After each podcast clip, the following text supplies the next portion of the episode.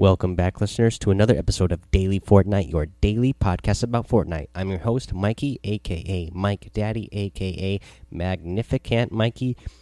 And uh, today on the in game update, we got a little bit of news telling us that the Rift to Go is coming soon. And the Rift to Go is a rift you can carry in your pocket teleport above your current location and glide down. Uh, now, I'm guessing this is going to be part of the 5.3 update that's going to be releasing again on Thursday this week. Uh, so a little bit later than normal, but I'm guessing that's going to be part of it. And, uh, you know, I'm sure we're getting a little bit later update because I'm sure something big is coming. So maybe they needed a little bit extra time. Uh, you know, uh, last season when we had the Hop Rocks, they started, you know, towards the end of the season, they started to go away there weren't as many around the map, and as we now know, we don't have them at all. I'm guessing the rifts are going to start going away. There's not going to be as many around. They're uh, they're going to start disappearing. Uh, so players really love these things. They love to use them, and uh, so you know if you just got rid of them entirely, people would probably be kind of bummed that you know they lost out on this way that they can get out get around the map in a super fast way and fun way. So they bring us this new item, the Rift to Go. Uh, people will still, you know, have a chance to be able to Rift, and it'll give you an extra advantage because you'll be able to use that Rift, you know, on the go wherever you go. You'll be able to make a Rift for yourself if you have one of these items. So I think that is going to be a lot of fun. That'll be really cool. I'm really excited to see that. Alrighty, um, let's see here. Uh, today, I want to help you get another challenge done. Uh, some people have a hard time with this because Tilted Towers is a very busy place, anyways. And then, you know, with a weekly challenge there where you have to get three kills in Tilted Towers, you get extra people landing there. This point in the week, we're getting towards the end of this week, so most people have gotten this done. But if you are one of the players who has let me know you're still having trouble getting this done, here's a few tips you can use to get uh, you know some more kills in tilted towers so you can get that done. Uh, one thing is uh, and i see players doing this all the time anywhere around the map but um, you know this is something that you should use especially when you're in tilted towers because there's so many hallways there's so many uh, doorway entrances but that is when you pick up a uh, the spike traps set them uh, actually use them. And sometimes I forget that I have them myself and don't set them in situations where I should. But especially when you're in tilted towers, again, because there's so many hallways people are running through and so many doorways that people are just walking into without thinking about what's going to be in the. Uh, in the next room set those traps you know in doorways set them in hallways that way even if a player does open a door and they run in uh, they might run a little bit down the hallway and think that they are safe another uh, good place to set these is when you're in uh, the big tower that's in Tilted Towers. You can set traps there. there. You know, there's a bunch of places in that building that you can just run in without having to open a door. They're like an open entrance. If you set uh, set a trap right above one of those, uh, you know, they most players are not even going to be looking up when they first enter that because there's not normally going to be a trap set there.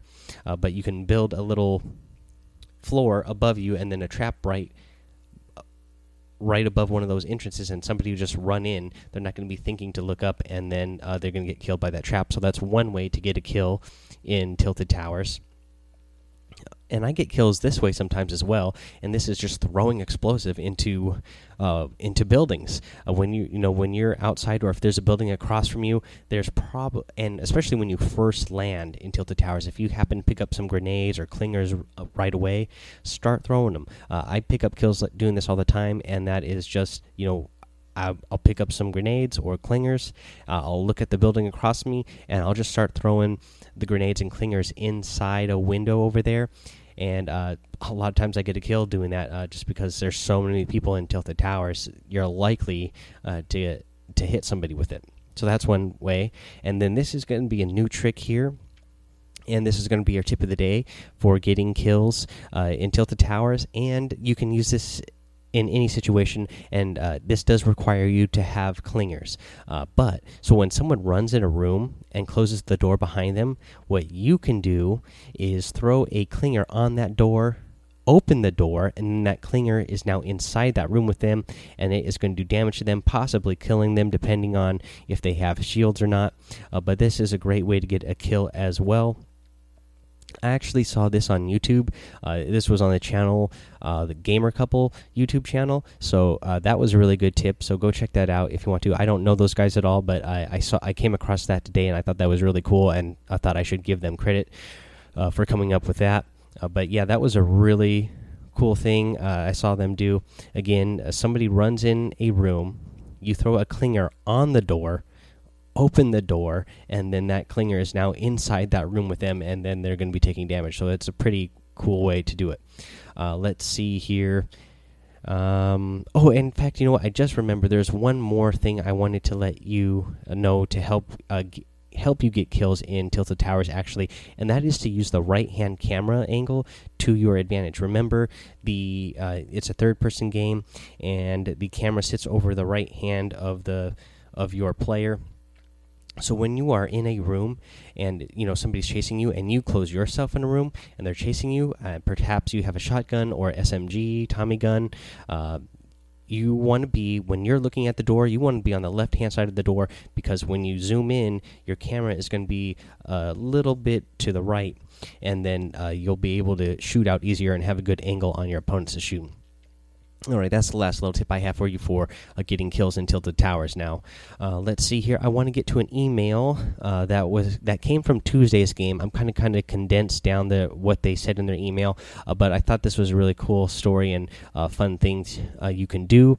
we've never brought it up here on the show. I've seen people do it before, but what Tuesday's game said they like to do is put C4 on a shopping cart and then build a ramp going down somewhere, and then you put a bouncer pad at the bottom of the of your ramp. That way, when you're you will you know you put your C4 in the shopping cart and then you send it down the ramp. When it hits the bottom of the ramp and it hits that bouncer pad, it's going to start flying even farther. And then you know hopefully that shopping cart ends up close to an opponent or a building that you're trying to take out, and then you just explode uh, your enemies uh, with that shopping cart. Uh, you know it's almost kind of like a I believe they called it like a C4 nuke. So I thought that was pretty cool, pretty uh, pretty creative and a fun thing to do. Let's see here. I want to get to a review today. Uh, we have an iTunes review. Of course, it is a five star rating with a written review. So um, Omar.v860 gets a shout out. Thank you so much for this five star rating and written review. Omar.v860 wrote, This podcast is awesome. Tells me all item shop skins and emotes. And uh, that is actually something uh, that I got from you know I got suggested to me by uh, you listeners out there was saying you know it'd be really cool if you added that to your show. So again, if you guys have any sort of feedback you want to give to me, I'd love to get it so we we can keep uh, making the show better and better. And since we mentioned that now, I am going to cover what is in the item shop today for you uh, now after that great uh, review there. Uh, and so, in the item shop today, uh, in the featured items, we have the Triumph glider, we get the Venturion skin, we get the Ventura skin, we get the Airfoil foil harvesting tool, we get the Pick Squeak harvesting tool, and the Raptor skin. Love the Raptor skin. Love Venturion and Ventura skins. Uh, those are really good. But yeah, I'm a big fan of that Raptor skin. Uh, I think it was really popular when it first came out, and then for some reason, uh, people started hating on it for a little while. But I'm still a big fan of uh, the the Raptor skin. And then let's see here in the daily items, we get the uh, Cloud Strike glider again. That's still one of my favorite uh, gliders that looks kind of like a normal glider. I just love the lightning on there. Uh, I love this next skin, which is the Masked Fury skin. I already have that one because I, you know, I love wrestling and it's a wrestling character, so I had to get it.